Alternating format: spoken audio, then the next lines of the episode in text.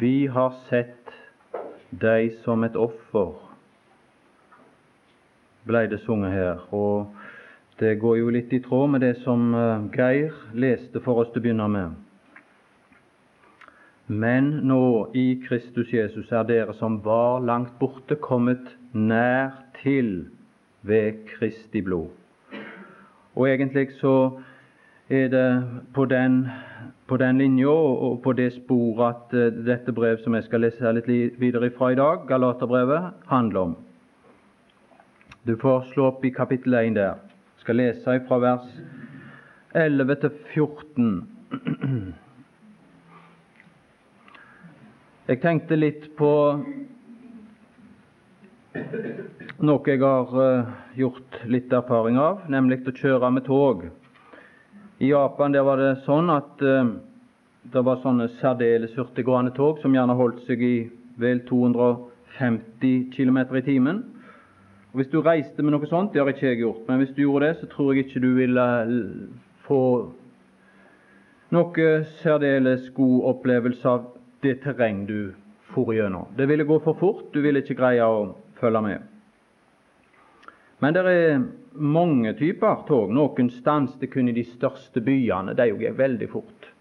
Og Så var det noen som stanset litt oftere, og så var det den siste typen. De stanset på hver eneste stasjon. Nær sagt på hver eneste melkekrakk, om du ville si det på norsk.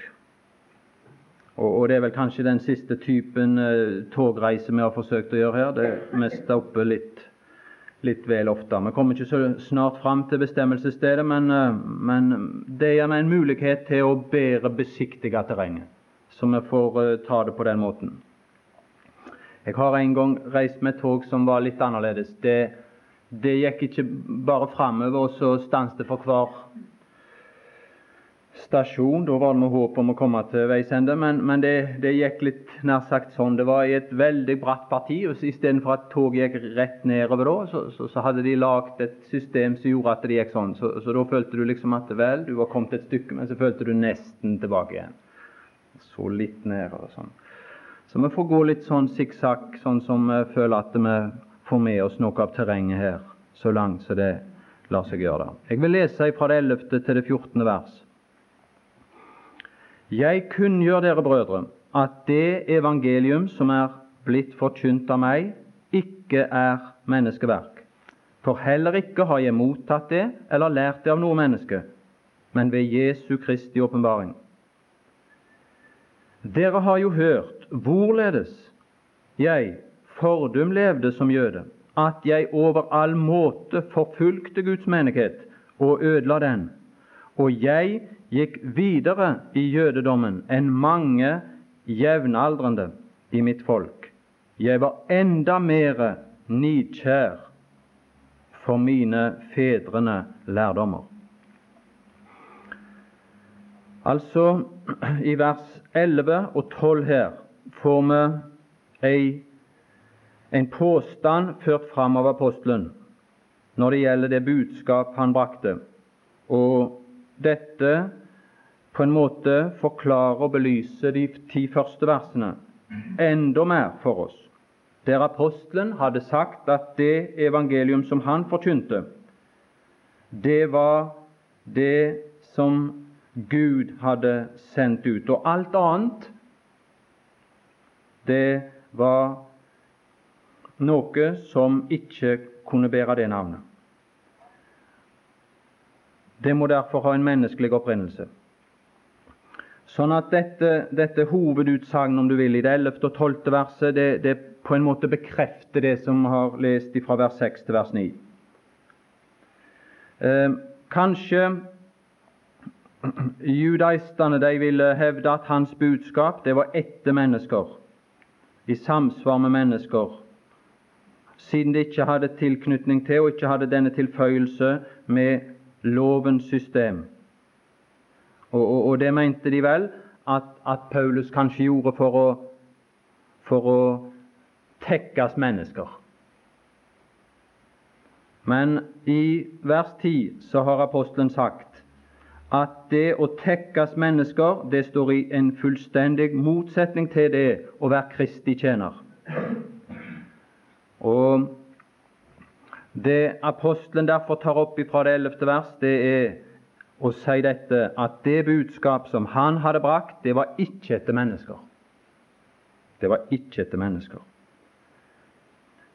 Det var ikke i samsvar med det mennesker ville ha. For det som var i samsvar med det mennesker ville ha, det var nettopp det judaistene brakte. Det er Galaterbrevets lære.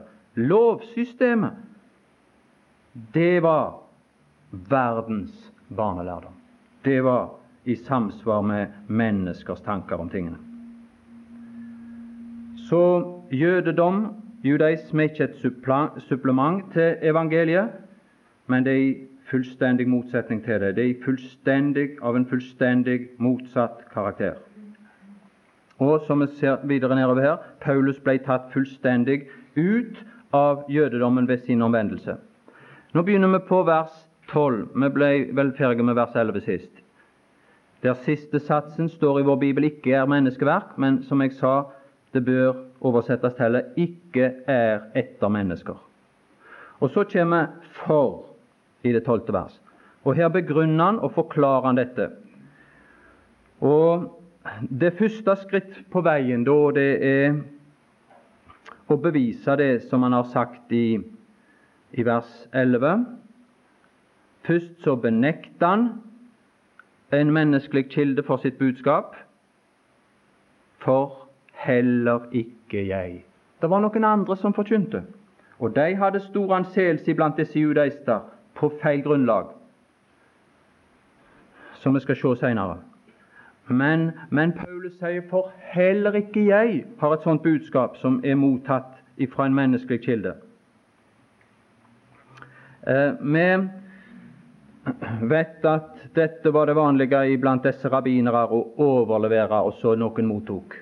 En overleverelse av et budskap som den som fikk det overlevert, mottok for heller ikke jeg har mottatt det. Det har, ikke en menneskelig kilde, et menneskelig utspring, dette budskap som jeg bærer fram. Akkurat som i vers 1, der snakker apostelen om sitt apostelembete, og han har de to samme satser der når det gjelder sitt apostelembete. Han sier ikke 'av mennesker', med den opprinnelse, og heller ikke ved noe menneske, slik som de påsto at hans apostelembete bør. Nå har han den samme ting å si om det budskapet han brakte. Han har ikke mottatt det. Det er ikke av mennesker. Og heller ikke den måten som han er kommet til kjennskap når det gjelder disse ting. Det er ikke ved at han har lært det ved hjelp av mennesker. Nei, det er totalt uavhengig av mennesker i sin kilde og i den måte som han har lært det på. Og derfor òg eh, i sin karakter er det forskjellig. Her nede vi det første kapitlet, til og med det 24. verset, på en måte sammenligner og, og, og holder Paulus seg opp imot de tolv, de som hadde sånn anseelse i Jerusalem og blant de jødekristne. Men la oss nå bare bli enige om det ut ifra et, et skriftsted i 1. Korinterbrev 15 at Paulus' evangelium ikke var i strid med de tolv, det de tolv forkynte. Selv om det gikk langt utover det de forkynte, så var det ikke i strid med det. Men Paulus han var i sin tjeneste fullstendig uavhengig av deres forkynnelse. Dette har blitt ofte sitert. Johannes har sitert dette ofte for oss, og det er et viktig vers. 15 i første Korinterbrev, vers 11. Hva enten det da er jeg eller de andre. Hva mener han? Han mener de tolv, annet. Du kan se de som han har nevnt ved navn her forbi her.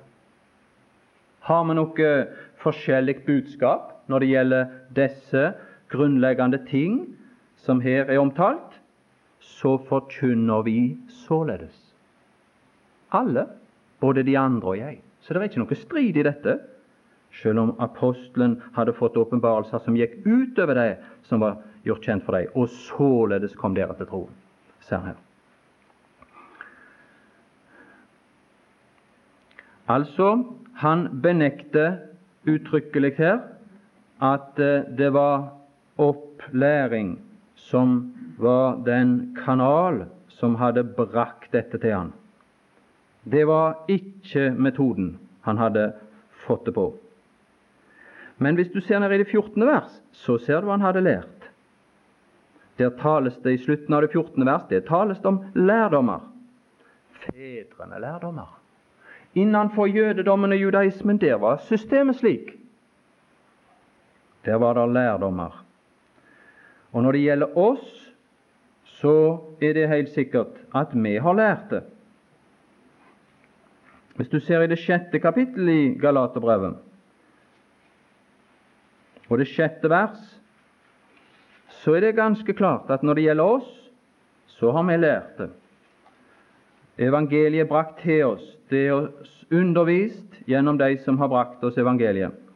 Den som opplæres i ordet, ja, det omtales på den mest positive måte her. Opplæres i ordet. Da er det noen som opplærer i ordet. Skal dele alt godt med den som lærer ham. Her er det en ting som gjaldt galaterne, men Paulus benekter her i det første kapittel og i det tolvte vers at han har mottatt det eller lært det på den måten. Han hadde ikke fått kjennskap til det på den måten. Han hadde ikke kommet inn under innflytelse og undervisning og fått mottatt det på den måten. Det benekta han på det mest bestemte. Men i jødedommen der hadde han vært under den saken. Han hadde sittet ved ens føtter, som apostelgjerningene forteller oss, og han hadde fått overlevert noe som han hadde mottatt og holdt fast ved som tradisjoner innenfor det der systemet. I jødedommen så var det nemlig sånn at der var det sånne formidlere, formyndere, sånne som kom imellom. Se i det fjerde kapittel i Galaterbrevet, det andre vers.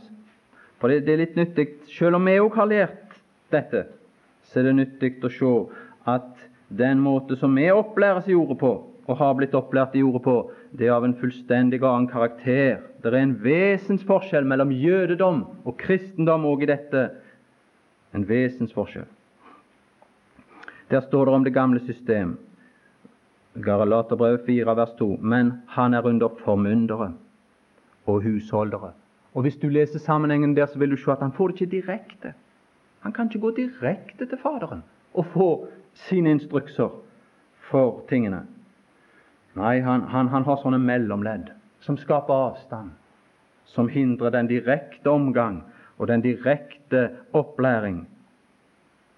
Selv om vi ikke har fått det hver av oss enkeltvis ved åpenbarelse, har måttet ha lært det i ordet gjennom de som har opplært oss, så er det på en vidunderlig annen måte enn det som han taler om i det 14. vers, fedrene lærdommer. For vi har lært dette i Johannes det sjette kapittel, og det er en nyttig ting å tenke på. Der står det Det står skrevet i Profetene 16, det 45. vers. Og hvis du ser hvor det er sitert fra, så er det sitert fra Isaias 54. Du, etter at de har mottatt på en kommende dag han som det tales om i foregående kapittel, og bøyd seg for Han.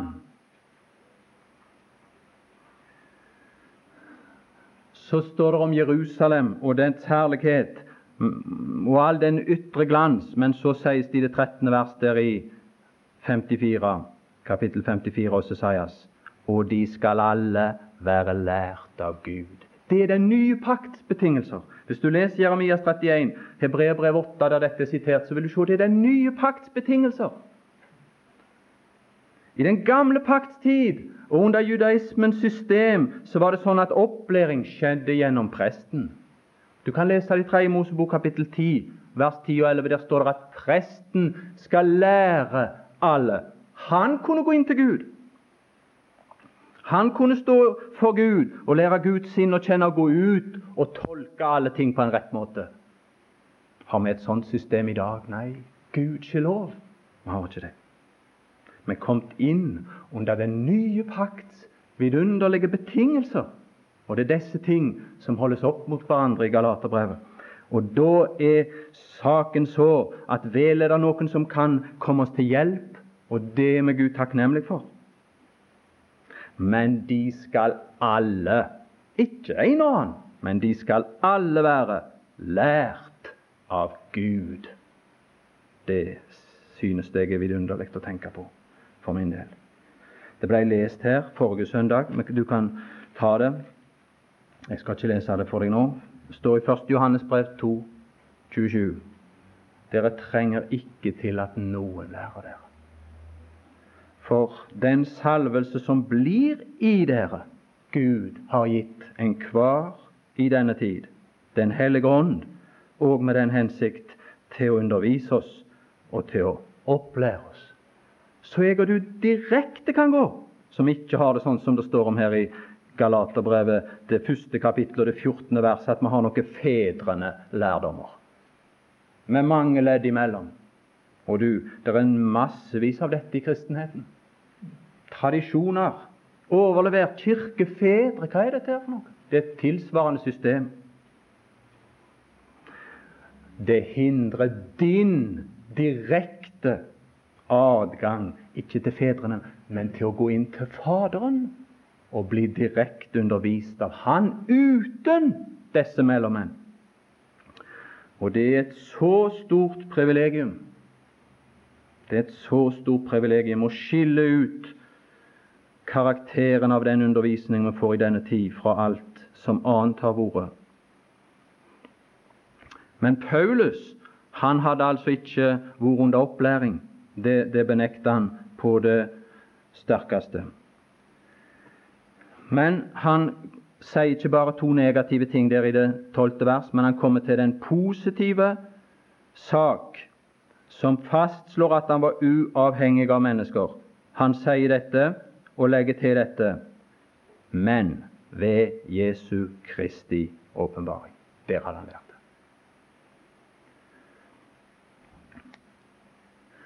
Han hadde lært av han. Han hadde fått det direkte fra hans lepper. Er det underlig at han holdt det med fasthet, at han nekta alle som ville gi en annen framstilling, og at han som foregav under påskudd av at de bedre kunne være, lære om disse ting enn Herren sjøl. Nei, han hadde fått det direkte fra Herren og nekta og bøye seg for de som visste bedre enn Herren. Og hvis Gud på lignende vis Nå har ikke jeg og du fått åpenbarelse direkte vi har fått i denne bok, og vår tilgang til denne bok og til det som er skrevet i denne bok, det har vi ved hjelp av Den hellige ånd og guddommelig undervisning i den forstand. Og hvis Gud har talt til meg i denne bok, da går jeg ikke til naboen og spør hva han mener om dette.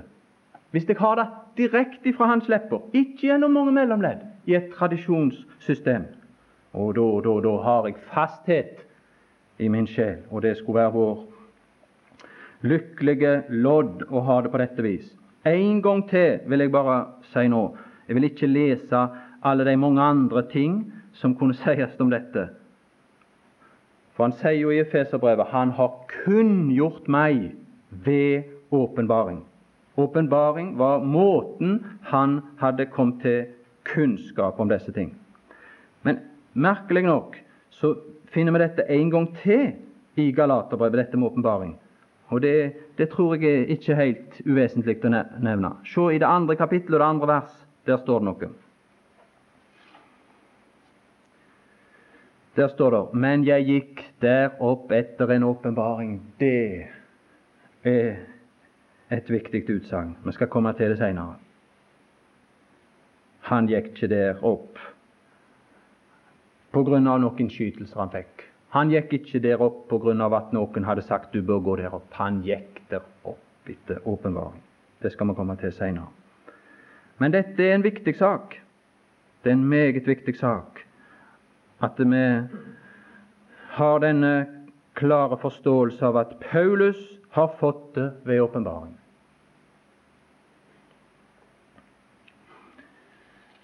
Hvis du vil slå opp i andre Korinterbrev nå, det 13. kapittel og det femte vers, så skal vi lese et skriftord som ofte blir, tror jeg, misforstått og feiltolka.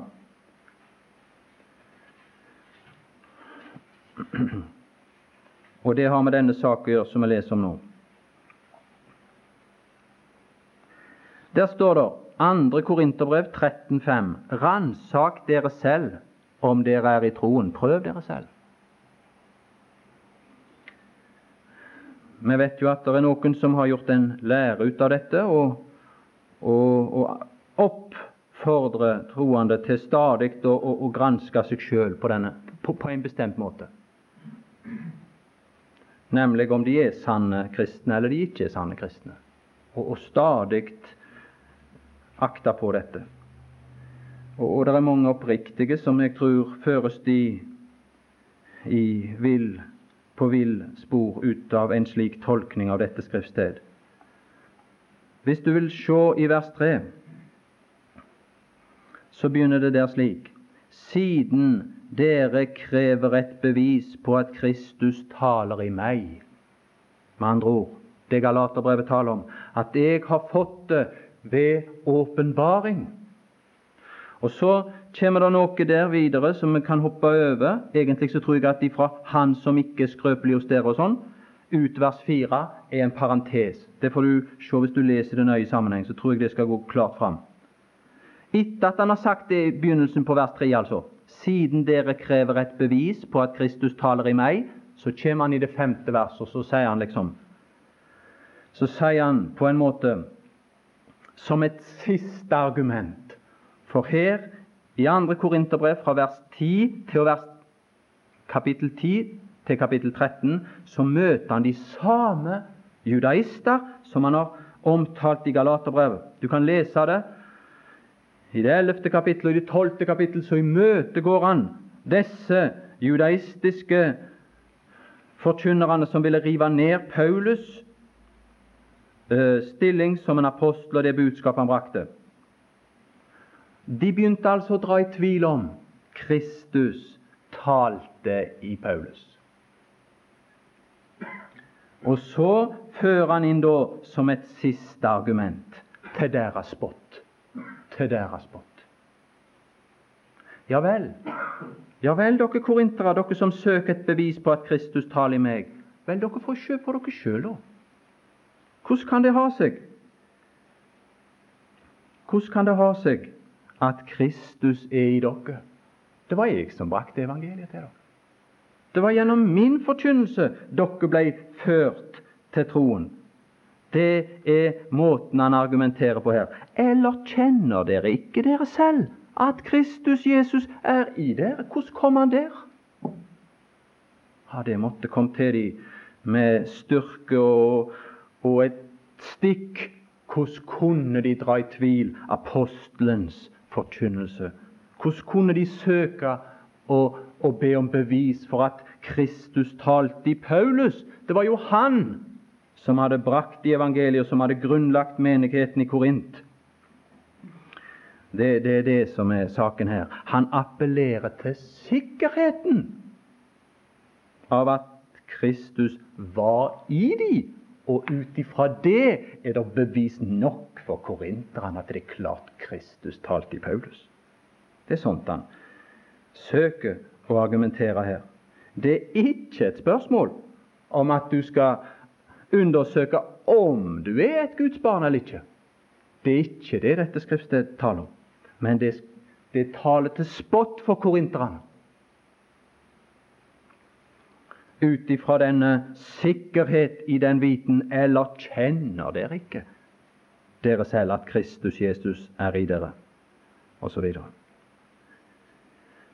Hvis det hadde vært sånt at apostelen på slutten av dette brev var liksom tvilende. Vel, vel, de får nå undersøke sjøl om de er sanne kristne eller ikke sanne kristne, og så får en se. Det kan jo godt hende at det vil være mange her som det ikke vil være sant om. En sånn en forkynnelse. Hvordan kunne han da si i det siste vers der? Se hva det står i siste vers i samme kapittel der. Den Herre Jesu Kristi nåde og Guds kjærlighet og Den hellige ånds samfunn være med dere. Vel, det, det, vil bli avhengig av undersøkelsen, det, og resultatet av undersøkelsen. Nei, aldeles ikke. Alle, står det.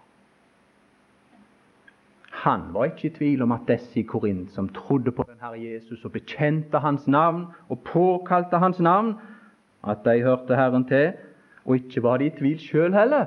Og ut ifra den sikkerhet så sa han liksom Her er beviset. Dere beviset. Og for oss er det dette å si i en tid når Paulus tjeneste i høyeste grad undermineres fra høyre og venstre, så er det viktig å, å, å bøye seg for at Kristus talte i apostelen Paulus' tjeneste. Og da kommer all den vidunderlige himmelske tjeneste oss til gode. Vi skal se litt på det som videre sies der. Han må jo bevise dette for dem, for de er så ivrige etter å dra ned denne hans tjeneste, det sier i Galatia, på grunn av denne sterke innflytelsen fra judaistene.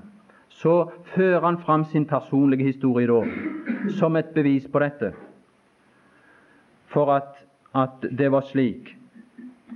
Han eh, sier liksom at Vel, nå skal jeg dra fram fakta fra min historie. Før omvendelsen, sjølvomvendelsen og ei så kort og god tid etter omvendelsen at det skal feie vekk ethvert utsagn som vil påstå at jeg har fått det fra mennesker. Og spesielt da fra disse Jerusalem-apostlene som de holdt seg til på feilaktig vis.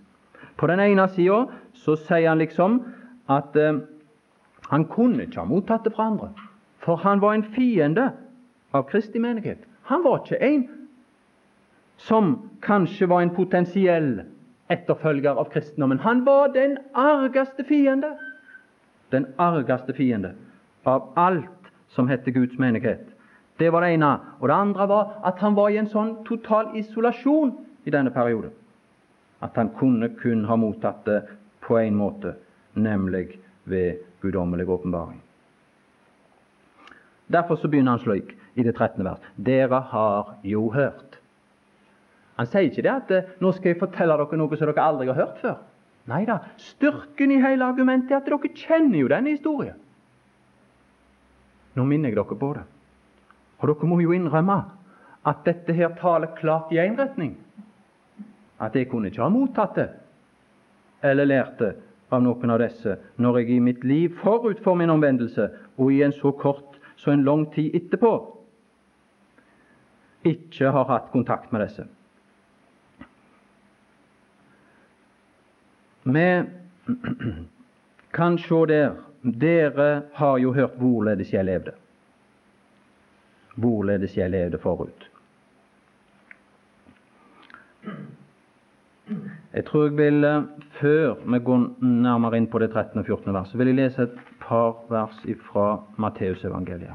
Bare som et, et stort og klart eksempel på disse ting.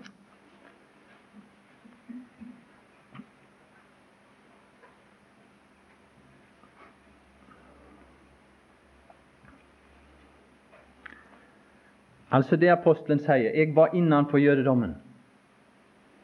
Det kjenner dere til. Og jeg levde der. Det kjenner dere til. Og når jeg levde der, så betrakta jeg ikke kristendommen som en type judaisme, som en type jødedom. Nei, jeg var den argeste motstander av det. Og ikke bare det, men ved min omvendelse så ble jeg fullstendig tatt ut av det. Hvor viktig poeng måtte ikke det være for disse judaister, imot disse judaister, som søkte å trekke alt det der inn i evangeliet? mens Paulus sier at han hadde måttet gått ut av det. Ja vel.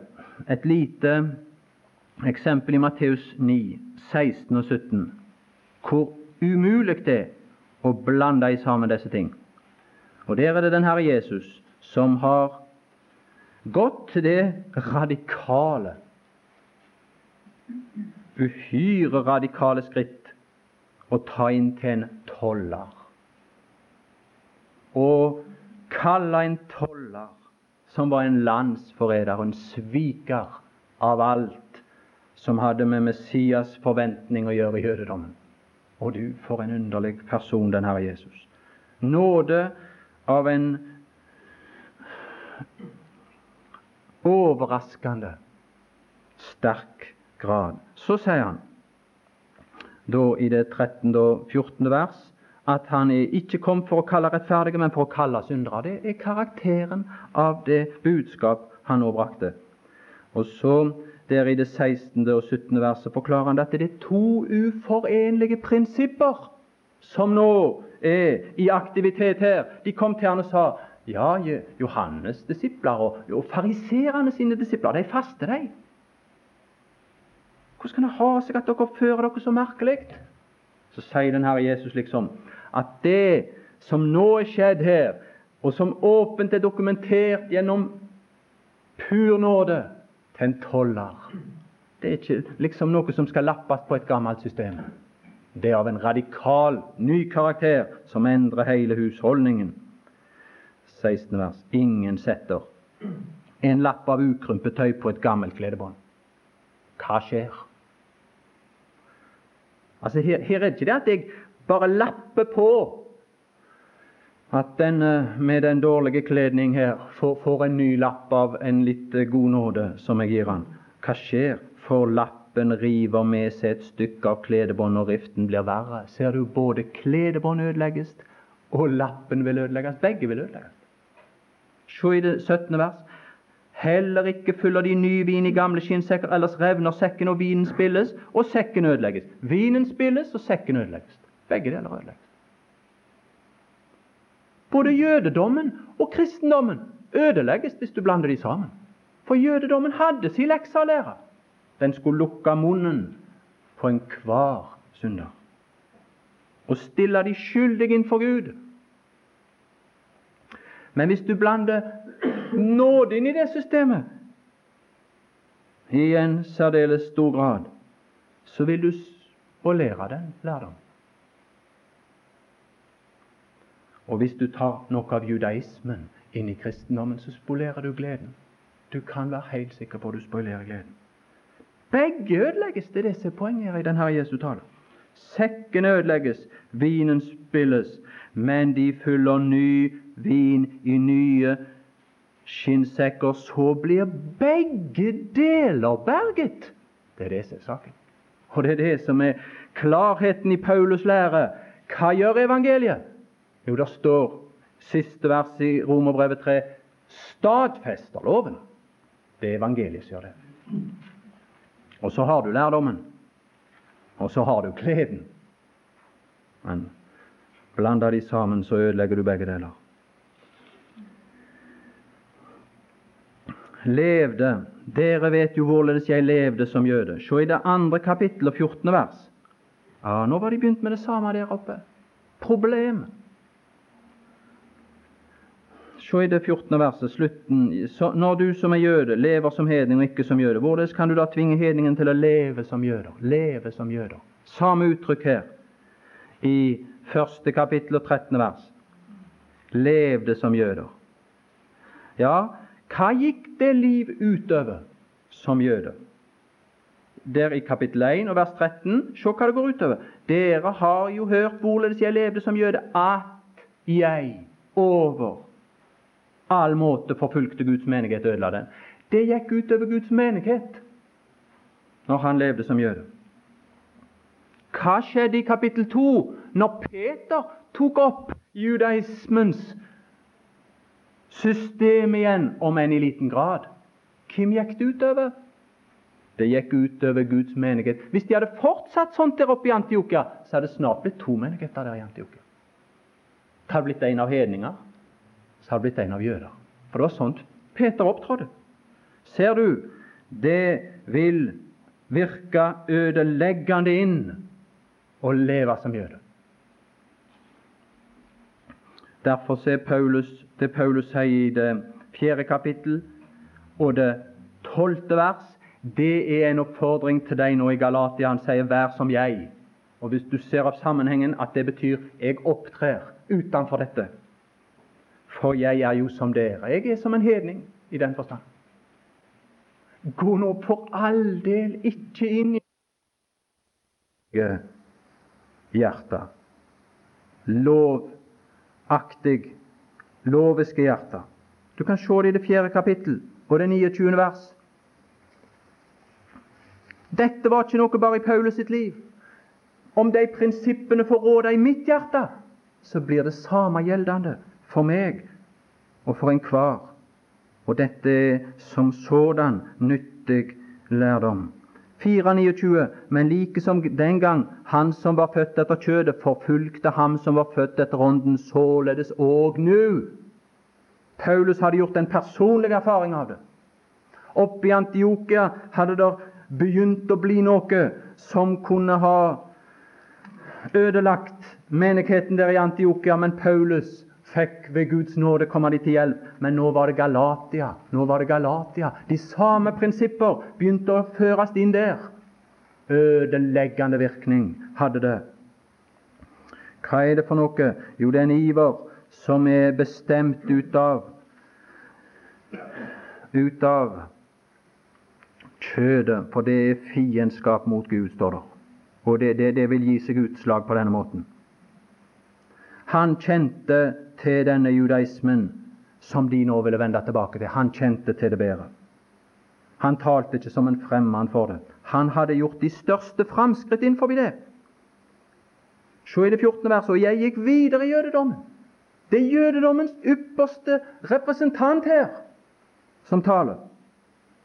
Han hadde gjort de største framskritt. Han gikk lenger enn de andre. Og hvis du og jeg går lenger enn de andre og går på denne vei, så vil det få sånne dårlige følger for Guds menighet. Som det fikk på den tid, så òg nå, som det står i det fjerde kapittel. Og som det allerede var begynt å bli noen antydninger til der i Galatia, se i kapittel 5 og vers 15. De var begynt der òg å forfølge hverandre på et vis. Men dere biter og eter hverandre, da se til at dere ikke blir fortært av hverandre. Er det ikke samme ånd? La samme prinsipp få råde i våre hjerter. Samme ånd vil gi seg utslag i vår ferd og vår praksis. Ja, jeg skal prøve å gjøre dette litt kort. Men altså, judaismens ypperste representant, han måtte forfølge Guds menighet. Det er en meget alvorlig sak. Og det skulle fortelle oss at vi må ikke dra noe av det der inn i vår forståelse av evangeliet. Altså Jeg skal si kort de to versene, 13 og 14. I, der er det to aspekt fra hans tidligere liv. Det er jo mye som er kjent ellers, men her er det to aspekt som dras fram. Det første er han forfulgte menigheten. Det står det om i det 13. vers. Han forfulgte menigheten. Og i Neste punkt det var at han gikk lenger enn de andre i en nidkjærhet, som, som står om i det 14. Eh, vers. Han forfulgte, og han gikk videre. Og det som var drivkraften bak det hele, det var den nidkjærhet for mine fedrene lærdommer. Han nevner med en gang det verste, altså forfølgelsen, og det han søkte å, å gjøre på den vei. Og hans, hans, kan du si, lærdom i dette For dette er ikke bare historiske fakta, men det er at den samme lære vil ha den samme virkning. Så dere i Galatia, vær forsiktige med disse ting. Hold dere klar disse ting. Han sier altså i det 13. vers om en, et fakta i fortid, en handlinger i fortid, og så kommer det 14. vers der han forteller oss om hva det var som oppildnet han, hva det var som nær sagt motiverte han og dreiv han til dette. Det var nikjærhet for mine fedrene lærdommer. Det er, farlig, det er en farlig ting. Hvis du ser i Filippenserbrevet, så skal du se den samme sammenknytning av, av ting der.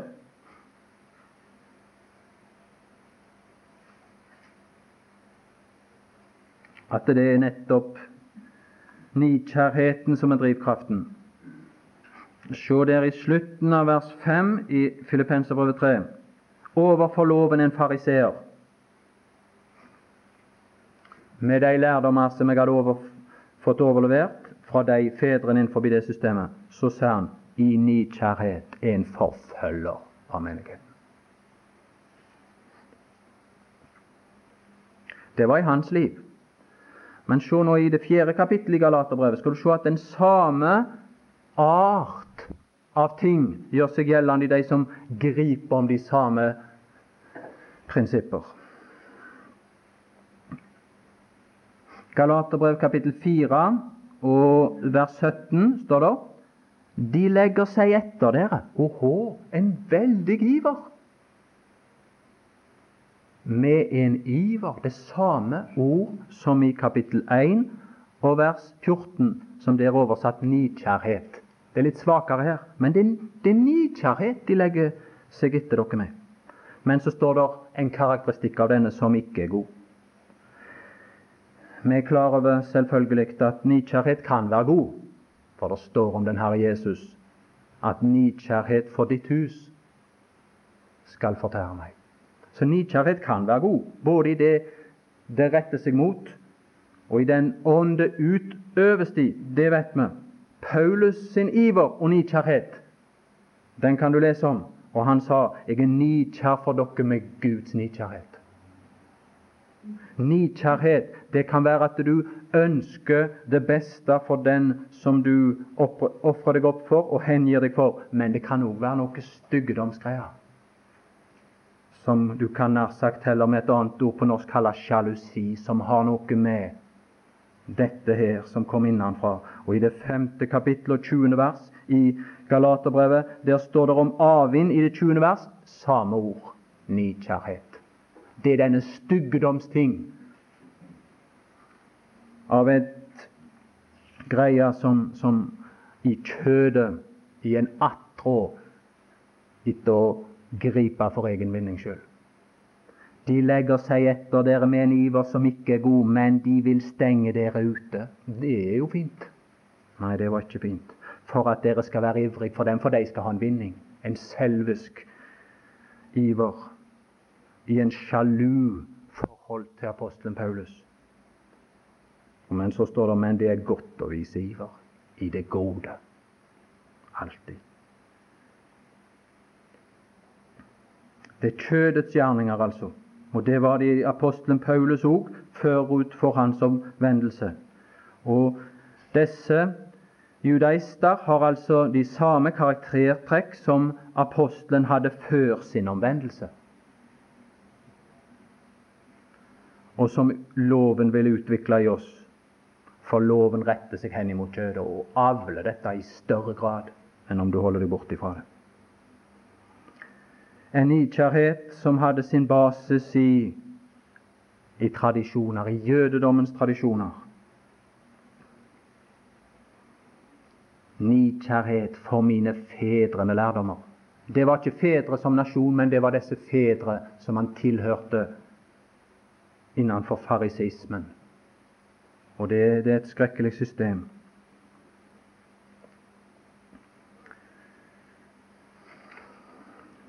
Hvis du bare, Dette er et veldig emne, og jeg skal, ikke, jeg skal ikke komme inn på dette, men jeg vil bare lese et par vers.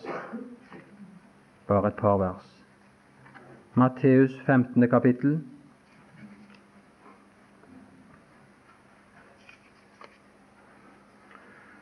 så skal jeg raskt være ferdig. På to-tre minutter til bare nå. Så. Der står det i det 15. kapittel der har den Herre Jesus et veldig oppgjør med disse ting. Med disse ting. Og merk deg i det kapitlet at de mener seg å basere sine tradisjoner på Guds ord. Men de tradisjoner kan være så fullstendig i strid med Guds ord at de til og med gjør Guds ord til intet. Se der i det sjette vers. For menneskets tanker er alltid i strid med Guds tanker.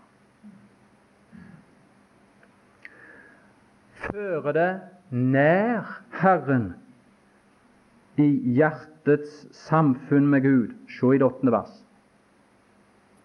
Og se der tradisjoner har en framtredende plass, og ikke Guds ord,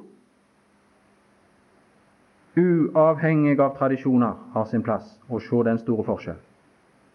Og det er en alvorlig ting som sies i det niende vers, men de dyrker meg forgjeves. Det var ikke mangel på iver her, men det var forgjeves. Og hør, det synes jeg er alvorlig. Disiplene sin forståelse er forstyrra av disse ting.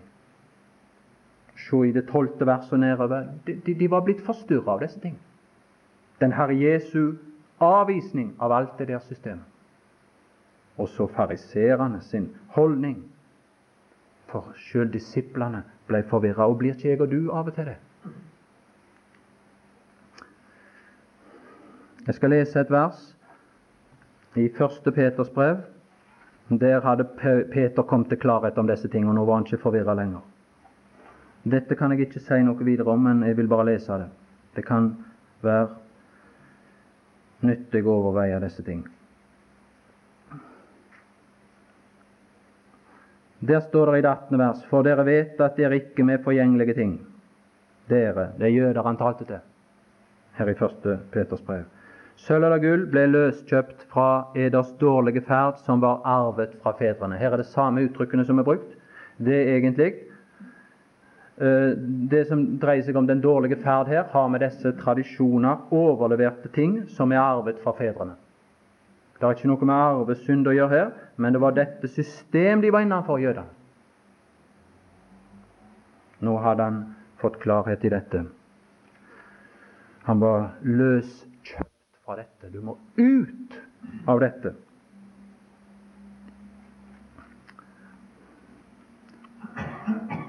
Og så skal ferden preges av et, av et annet forhold. En eneste ting til. Dette her skal jeg selvfølgelig ikke si noe mer om, men, men tenk på det. Vår eneste mulighet er å klynge oss til denne bok. Jeg ser ingen annen mulighet. Klynge oss til denne bok.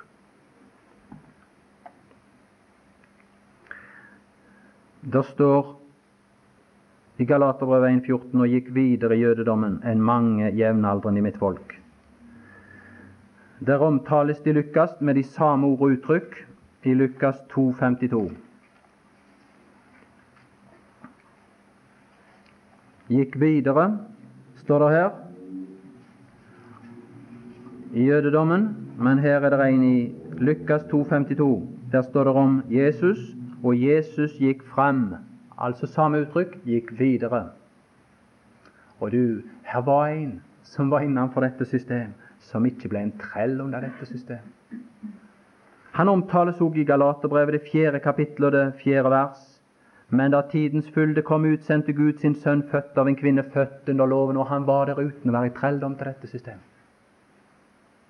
For han hadde ikke disse ting i seg som jeg og du har, som blir fanget av dette ødelagt av dette, lagt i bånd og lenker av dette, som levde og gikk fram under disse ting, og hadde Guds velbehag og ikke var en trell. Men jeg og du vil bli det. Jeg og du vil bli det. Og vi begir oss inn under det. Og ikke bare vi blir en trell, men det vil utvikle i oss ting som er så avskyelige i Guds vurdering. Jeg kan bare si en ting helt til slutt nå, så er det slutt. Åpenbaringen, det 22. kapittel. Der uh, leser vi et vers som jeg vil bare ta med helt til slutt. Åpenbaringen 22.1. Og han viste meg en elv med livsens vann som rant klar som krystall ut fra Guds og lammets trone. Hvis du har lest gjennom åpenbaringen, så vil du synes at det er merkelig kan det være rent som krystall nå? Ser all den forurensning av moralsk, åndelig karakter som utmales for deg gjennom åpenbaringen, og du med, med på enden av disse ting, nær sagt de første tre kapitlers ende iallfall, og det er uhyggelig av forurensning i den åndelige sfære som, som har latt seg, som har skjedd. Og så kommer du her og så er det like rent ved slutten. Og Det, det sier meg iallfall en liten ting, og det er at eh, vel, vel, her er massevis av tradisjoner og ting, og jeg og du har blitt påvirka av disse ting, men du, vi kan gå til kilden i dag. Ikke ei tilsmussa kilde. Ja, jeg tror jeg må ta det med òg. Hm. Jeg tester noens tålmodighet nå, det skal, men det, det er litt nødvendig å ta det med. Esekiel 34. Esekiel 34.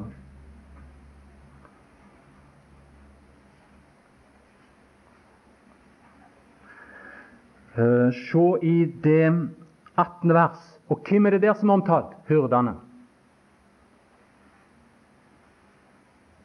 Og du kan godt si det er de samme som i Matteus 15. Se i siste del av 18. vers. Der kommer det et spørsmål. Og der står Er det ikke nok at dere får drikke det klare vann? Ja, det, det, det er en veldig privilegium, det. Drikke det klare vann. Siden dere gjør resten grumset med deres føtter. Er det ikke noen som har gjort det grumsete?